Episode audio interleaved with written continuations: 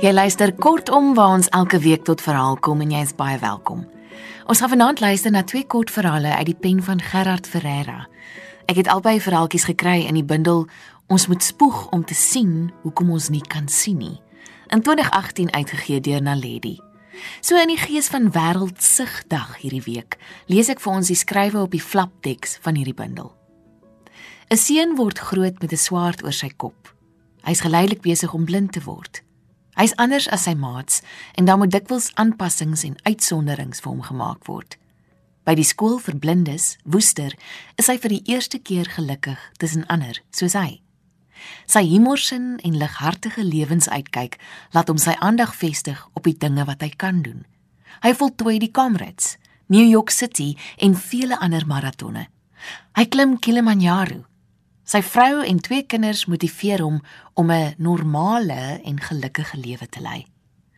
Hierdie stories is 'n beligting van frustrasies, uitdagings en insidente wat hy as blinde ervaar. Dit gee vir die leser 'n insig in die alledaagse konfrontasie en uitdagings, maar ook in die komiese en humoristiese aspekte van blind wees. Die eerste storie wat Albert Maritz vanaand vir ons gaan voorlees, is dan ook getiteld Ons moet spoeg om te sien hoekom ons nie kan sien nie. Lekker luister.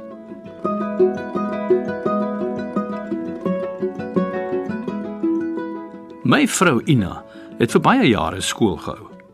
Oor die jare het dan natuurlik baie soorte kinders deur haar hande gegaan, die slimmes, die wat minder slim was, die sportiewes, die wat minder sportief was. Sommige vroeg vroeg in haar onderwysloopbaan land daar 'n dogter by haar. Wie een van die minder slimmes. Om die waarheid is sy aansienlik minder slim. Aan die einde van die jaar moes sy haar standaard herhaal. So kom 'n jonger sussie ook die volgende jaar by die skool aan. Na alle berigte was sy ook nie baie slim nie. En so gebeur dit toe tog dat die jonger dogter haar ouer sussie so met die agterbly en herhaal van standaards uiteindelik inhaal sodat hulle albei later in dieselfde klas is.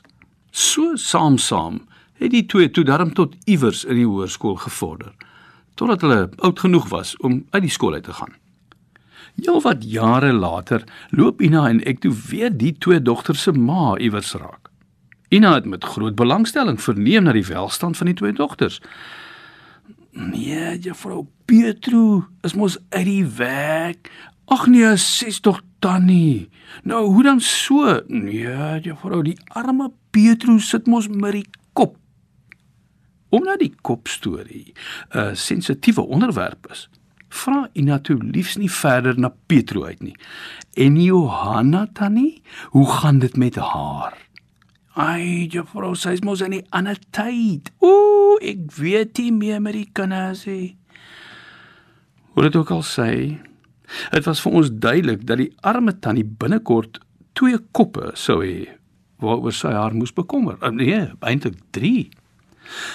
Dit het ook by ons familie sê ding geword.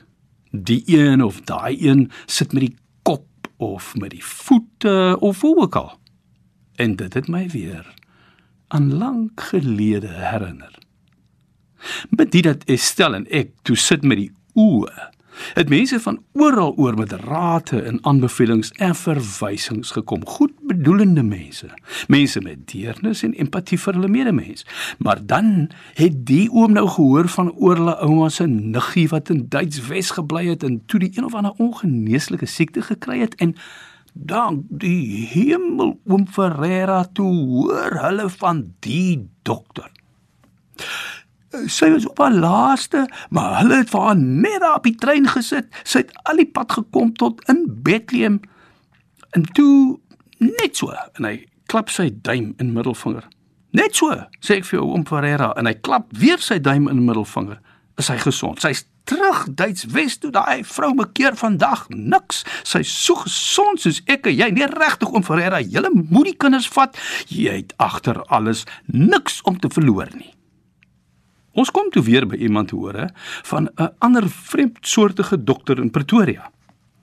Nee, tannie Ferreira, kyk, hy behandel glad nie die probleem nie probeer hy oorredend klink. Kyk, hy ontleed mos die oorsaak, dan behandel hy die oorsaak.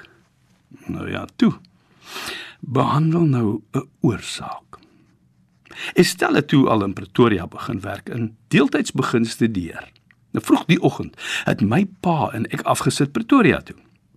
My ma het vir ons 'n fles met koffie gemaak en die een of ander tuisgebak en lekkernye ingepak. Kort na 8uur het my pa en ek voor die AJO gebou waar Estelle gebly het stilgehou. Met die warm fles en die eetgoedjies het ons ingegaan om eers by haar te gaan ontbyt eet. Die dokter was een of ander uitlander met 'n vreemde naam wat ek nooit kon onthou nie. In sy wagkamer en daar reeds verskeie pasiënte of sal ek liewer sê niks vermoedende slagoffers gewag. My pa het weer 'n handvol vorms by die ontvangstame gekry. Hy het weer by 'n tafeltjie gaan sit en weer al die vorms sorgvuldig ingevul. Na rukkie het 'n vrou met 'n soort verpleegstersuniform aan na my en Estelle toe gekom. Sy het vir ons elkeen 'n langerige glasbuisie met 'n rubberprop en 'n korterige koeldrankstrooitjie gegee. In 'n vreemde aksent en 'n nog meer onverstaanbare Engels het sy vir ons beduie dat ons die buisies moet vol spoeg voordat ons by die dokter kom. Ja, vol. Ons het mos nou nie die gespoeg verwag nie en ek het kort van tevore nog aan een of ander donkerrooi aardbei of kersie lekker gesuig. My spoeg was eers bloedrooi. Nou soos wat die buisie voller geword het, het dit na 'n uh, pinkerige kleur verander. Uiteindelik het ons die buisies vol gespoeg en toe was dit ons beurt. Toe tou ons weer agter my pa aan by die dokter se spreekkamer in. 'n Jongerige man, kort, boepmagie, bles, ronde rooi wangetjies en 'n 'n tuitmondjie. Skerpend neusie, effe potsierlik. Van die eerste oomblik af het hy net vir Estel oë gehad, as jy my die woordspeling sal vergewe. As haar bitter swaksiende broer, moet ek aanvaar dat sy blykbaar baie mooi is of was. Die potsierlike dokter het agter sy lesenaar gaan sit, voor hom met 'n vel papier met allerlei grafieke en nommers gelê. Hy het 'n stelsel buisie met spoeg op 'n reghoek op die vel papier gesit. Toe het hy sy twee elmboë weerskante van die vel papier geplaas. Aan sy wysvinger was daar 'n ringetjie met 'n toutjie aan. Aan die punt van die toutjie het iets gehang wat vir my na 'n balletjie watte gelyk het. Hy het ons beveel om doodstil te wees. Toe het hy sy voorkop laat sak tot op sy hande. amper soos iemand wat wil bid, maar sy oë was oop. Die watte balletjie het soos 'n pendulum heen en weer geswaai heen en weer. Toe sit hy die watteballetjie by die buisie neer.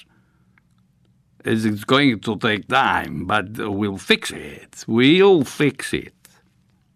Toe het hy my spoeg nader getrek. What's wrong with you? You are bleeding inside, yes?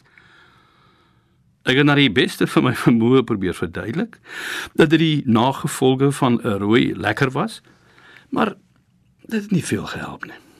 No, no, it's not good. We can't test you if you're like that. You must come again when you're clean.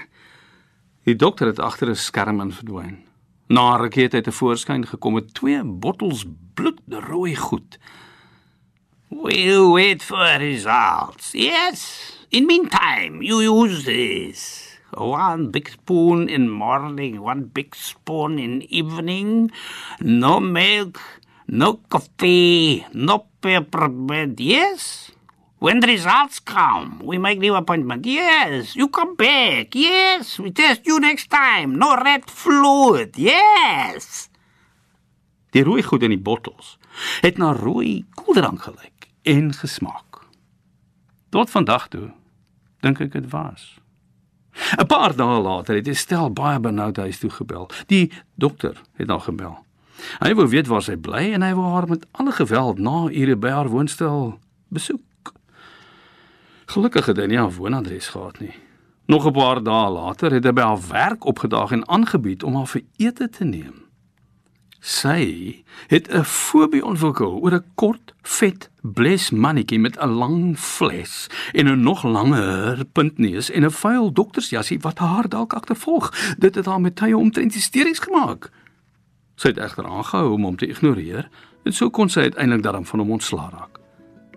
Omdat dit gou duidelik geword het dat die vreemde Dokter, allerhande bybedoelings gehad het, het ons nooit teruggegaan vir 'n opvolgbesoek nie.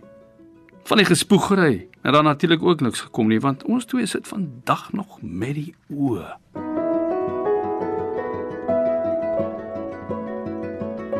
Dit was dan ons moet spoeg om te sien hoekom ons nie kan spoeg nie. Die volgende storie wat Albert gaan voorlees, noem Gerard Ferreira Chris se Anglia.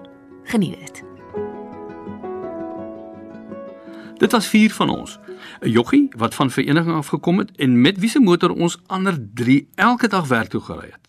Jan, ook van vereniging en Chris, my direkte hoof en saam met wie ek van Meyerton af die deur toe gery het. Ons het al vier by 'n maatskappy in Johannesburg gewerk. Joggie was 'n senior bestuurder en hy het baie goeie motorvoordele geniet. Ek en Chris het nie te ver van mekaar af op Meyerton gebly nie. Dit was vir my en Chris baie gerieflik en aansienlik goedkoper om elke dag net van Meyerton af die deur toe te ry. Ons het Chris se Ford Anglia deur die dag daar by 'n garage laat staan en daarvandaan saam met Joggie en Jan werk toe gery. Jy onthou seker die spesiale tipe Ford Anglia waarvan ek praat. Die sogenaamde sigaarvorm met die agteruit wat skuins na binne geloop het en die enjinkap wat op die neus geskarnier het. Spottenderwys het almal altyd gesê dat die kar gewaarborg was dat 'n voël nooit op sy agteruit sou kom mis nie. Chris was maar 'n baierige soort mens. En wanneer ek in die oggend by hom in sy enkele geklim het, het ek weinig meer as 'n grom in antwoord op my "Môre meneer" uit hom gekry. Die 9 km rit te deur toe het grootliks in stilte plaasgevind met die uitsondering van 'n tersluikse opmerking oor iets wat die nasionale party of die dominee van die NG Kerk nou weer aangevang het. Wanneer ons twee dan weer by Joggie en Jan in hulle kar klim, het dit gewoonlik 'n bietjie beter gegaan. Chris het gewoonlik onmiddellik beslag gelê op Joggie se koerant. Joggie en Jan was oorwegend aan dit gesels en ek het so hier en daar 'n bydrae gelewer. Chris se totale bydrae was gewoonlik by wyse van 'n een of ander negatiewe opmerking oor iets wat hy in die koerant gesien het. Terug huis toe in die middag was dit maar meestal dieselfde storie. Dan het Chris ook baie keer sy misnoë teenoor Joggie uitgespreek oor die een of ander swak besluit wat bestuur nou weer geneem het. Joggie en Jan was weer eens meestal in gesprek oor hulle gesamentlike werkskwessies en ek het af en toe 'n uiltjie geknip. Die middag het ons weer soos alle ander middae op die deur aangekom. Nadat ons gegroet en uitgeklim het, het Joggie hulle aangery. Ek en Chris het in die Anglia geklim vir ons rit Meyerton toe. Chris het die sleutel in die aansitter gesteek en gedraai. Die Anglia se motor het begin maal. Nang nang nang nang nang. Stilte. Chris het in ongeloof na die stuurwiel voor hom gestaar. Dan weer. Nang nang nang nang nang. Stilte. Dan bars Chris uit. Ag nee, magtig man, ek is mos nie nou jou bloody fool nie. Wie dit donder dink jy is jy? Hy praat dis met my skuld is dat die enkele aan nie wil vat nie. Ngang ngang ngang ngang ngang ngang. Stilte. Nee, vaar domp. So sal ek my nie van 'n kar laat rondneek nie, man. Ngang ngang ngang ngang ngang ngang. Stilte.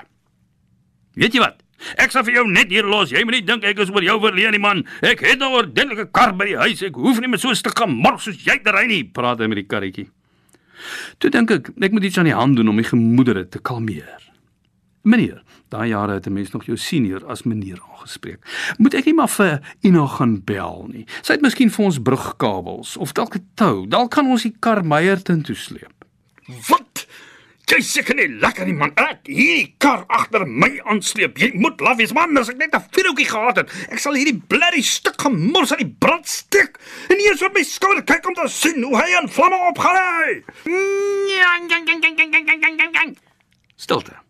Ag nee, bliksem, dis te veel vir vlees en bloed. Ek sal uit die kar uitklim en die sleutel in hom los. Maar weet jy wat? 'n Skelm sal nie eers hierdie gemors wil steel nie. Enige mens kan ook net soveel vat.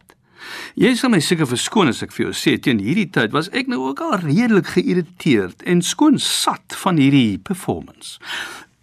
Ek sal weet nie te veel van karre nie en wat ek weet, het ek reeds aangebied. Ek sit toe maar. Niks siende, deur by die venster en uitstaar. Ja ja ja ja ja ja ja, stilte. Toe vroetel en vat Chris hier iewers op die paneelbord aan iets en hy plak die deur oop. Ek hoor hoe hy die engine kap oop ruk. Chris staan in 'n pak klere en 'n das. Sover ek weet, het hy nie enige gereedskap by hom nie. Ek kon net hoor hoe ruk en stamp hy hier voor aan die engine. Ek kon nie agterkom dat daar veel gebeur het nie. Toe klim hy terug in die kar. Ja ja ja ja ja ja. ja. Stilte. Ah, Weet jy wat? Ek het lus en los die stuk gemors net hier. Ek sal eerder met my pote huis toe loop, maar ek sal wragtig nie vir hom wys. Ek is van hom afhanklik. Nee. Toe spring hy weer uit en stamp en pluk weer iewers in die engine. Na die sarsie stoom hy terug in die kar in.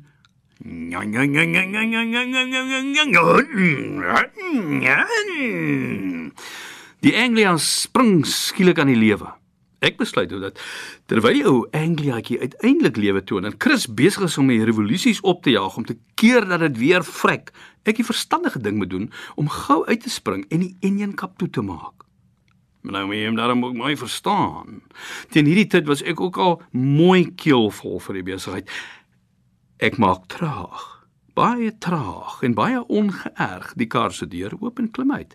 Miskien onthou jy, e- eintlik herinner ek jou net weer dat daai 1964 Anglias se engine kappe op die neus geskarneer het.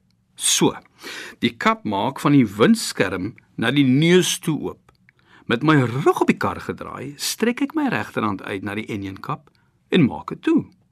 Tot my uiterste verbasing gaan die kap nie heeltemal toe nie maar dit steek so ongeveer 30 cm van die bakwerk af vas. Omdat ek weet dis 'n ou Ford kar, meen ek dis net iets wat iewers vassteek. Ek lig die enjin kap entjie en probeer om met 'n bietjie meer krag die kap by die hakeplek te kry. Maar nee, die enjin kap steek weer so ongeveer 30 cm van die bakwerk af vas. Ek was nog nooit te groot Ford fan nie. Ek was buitendien vasoortuig dat mense Ford se deure net met geweld toeslaan. Toe voeg ek maar die daad by die woord. Ek stoot die enjin kap weer vol oop en gebruik my gewig en 'n bietjie meer krag agter die toeklap sonder enige sukses. Die enjin kap steek vas. Nou moet ek net eers vir jou verduidelik. Op daai stadium van my lewe het ek nog so 'n bietjie sig gehad. Nie veel nie, maar daarom. Ek kon lig en donker, skadu's en kontraste so half en half onderskei. So staan ek langs die ou Angliaatjie, moedeloos, hulpeloos. Eers vat vat ek hier om die kant van die engine kap om te voel of ek tog iets kan raak voel wat keer dat die kap heeltemal toe gaan nie. Helaas. Ek buig vooroor om nader aan die kar te kom. Ek trek my gesig en span my oë om te sien wat die obstruksie veroorsaak. En toe ek so oor die engine kap na die ander kant kyk, is al wat ek kan sien 'n gedeelte van 'n wit hemp tussen die broek en die spleet van die baadjie. Chris se hemp. Nee. Ek weet glad nie hoe dit kon gebeur het nie. Ek neem maar aan dat toe die Anglia uiteindelik behoorlik gevat het, Chris en ek gelyktydig besluit het om uit te klim. Ek teen my sin om die engine kap toe te maak voor die kar weer vrek. Chris om terug te buig in die engine om die air cleaner weer terug te sit. Dit is natuurlik vir my noodloos om te sê dat ek my in 'n ander bloedgroep ingeskrik het. Ek was geskok, hoogs geïrriteerd en heeltemal magteloos. Chris stom briesend. "Jesus meneer," begin ek apologeties. "Ek het nie geweet meneer het ook uitgeklim nie. Ek wou net die kap toemaak omdat ek bang was die kar vrek weer. Ek is jammer meneer, het meneer seer gekry? Seer gekry? Natuurlik het hy seer gekry. Hy moes vrek seer gekry. Hy moet eintlik half dood wees." Stilte. Ek sidder. "Jesus meneer, ek hoop nie ek het meneer se rug seer gemaak nie." Stilte. "Jesus meneer, ek sou uh, en so hou ek aan. Die een verskoning op die ander tot in Meyerton en Chris sê niks, absoluut niks. Ek dink ek sou beter gevoel het as hy net iets gesê het. Al het hy ook net in sy gewone gebruikstaal gesê: "Shut up, jou blinde bliksem. Jy het amper my rug gebreek." Maar nee, nie 'n woord nie. By die huis gekom, kon Ina dadelik sien ons fout. Wat's verkeerd? Wil sy dadelik weet. Ek's gefire. Ag nee, dis seker nie so erg nie. Wat het jy aangevang? Ek kom toe maar met die hele sak patats voor 'n dag. Alles, tot in die fynste besonderhede. Maar hoekom het jy nie en ons rede kavel en ons debatteer oor wat ek alles moes en alles kon gedoen het? Maar hy kan jou seker nie daaroor fire nie, kan hy? Nooi. Ek ken vir Chris en ek het al gesien hoe absoluut gewetenloos hy met ouens werk. Hy's my direkte hoof. Ek rapporteer aan hom. Hy kan enige verskoning kry om van my ontslae te raak. Jong, ek weet nie. Die volgende oggend stap ek met 'n swaar gemoed na die hoek waar Chris my gewoonlik gekry het. Ek weet glad nie wat om te verwag nie en of hy eers daar sal wees om my op te laai nie. Chris hou egter stil en ek klim in. As hy my op ander dae net met 'n grom gegroet het, was daar die oggend heeltemal niks. Dit was ook die laaste poging tot kommunikasie tussen ons. Ons het in doodse stilte tot op die deur gery en in doodse stilte vir Joggie hulle gewag. My hoop was toe maar op hulle om die swaar donker atmosfeer te verlig. Hulle daag uiteindelik op. Ons klim in en groet, maar Chris vat nie soos gewoonlik Joggie se koerant nie. Hy kyk deur by die venster uit, steeds woedend. Joggie en Jan gesels ook nie soos gewoonlik nie. Joggie sê niks, Jan sê niks en ek het skoon maagpyn van kommer. Die vier van ons sit choopstil vir 52 km ver. Tot in Johannesburg praat nie een van ons nie en ek begin ons se gedagtes kry hier kom groot moeilikheid. By die gebou aangekom, ry ons af tot onder in die kellerverdieping en Joggie parkeer soos gewoonlik die kar. Ons stap saam, wag vir die huispak en ry tot op ons vloer sonder om 'n woord te sê. Die atmosfeer is so tasbaar. 'n Mens kan dit met 'n stomp mes sny. Op ons vloer stap Chris eerste uit en Joggie huiwer vir 'n oomblik. Kom gou daar na ons kantoor toe, fluister hy. Maar toe skrik ek. Ek's nou daar. Ek stap eers na my kantoor en sit bewend die lig aan en hang my baadjie aan die kapstok sodat mense kan sien ek is darmal daar. Joggie en Jan staan so half in die deur van Joggie se kantoor en gesels toe ek haar aankom.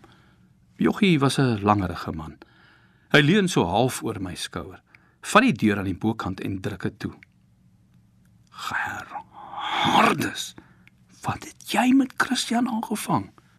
Jy kon my omtik met 'n papsnoek. Hoe weet jy hulle? Het jy tog nie gebel om die storie te vertel nie, het hy? Nee. Ons het alles sien gebeur, vertel Jochie met 'n laggie. En ek hoor Jan lag ook gesien. Maar hoe? Het julle dan nie gery nie? Kyk, begin Joggie baie diplomaties. Jy weet dit dalk nie. Elke middag nadat jy uitklim, gaan ek en Jan eers kafee toe om melk, brood en sigarette en allerlei ander dinge wat ons vrouens nodig het te kry. Ek gaap hom in stomme verbasing aan.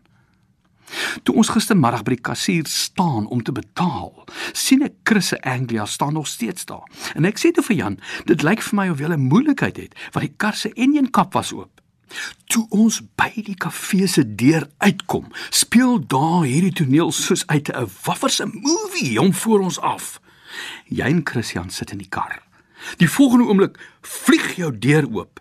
Toe spring julle albei uit die kar, Chris duik in die engine in en jy gryp die engine kap en begin op vir Chris met die kap oor die rug te slaan. Ja, maar ek het hom nie gesien nie. Dit was duidelik dat jy hom nie gesien het, die lag Jan. Want as jy hom gesien het, is ek seker jy sou baie harder geslaan het. Nee nee nee, nee wag nou, wag. Wat eintlik gebeur het was, probeer ek verduidelik en verskoning maak. Uh, maak jy saak hoe jy daarna kykie. Dit was flippend snaaks, sê Joggie. Maar wat vir my die mooiste was, was elke keer as jy die enjin kap so op Christian se rug afbring, dan lig sy voete omtrent so ver van die grond af en hy wys met sy hande so omtrent 10 cm wat Chris se voete dan nou sou gelig het. Ek is toe gelukkig ook nie gefire nie. En ek het nog vir 'n paar jaar by dieselfde maatskappy gewerk en steeds aan Chris gerapporteer. Van daardie dag af net baie versigtiger.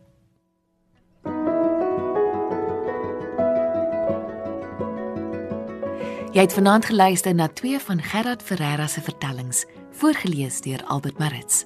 'n Heerlike aand vir jou. Tot volgende keer. Totsiens.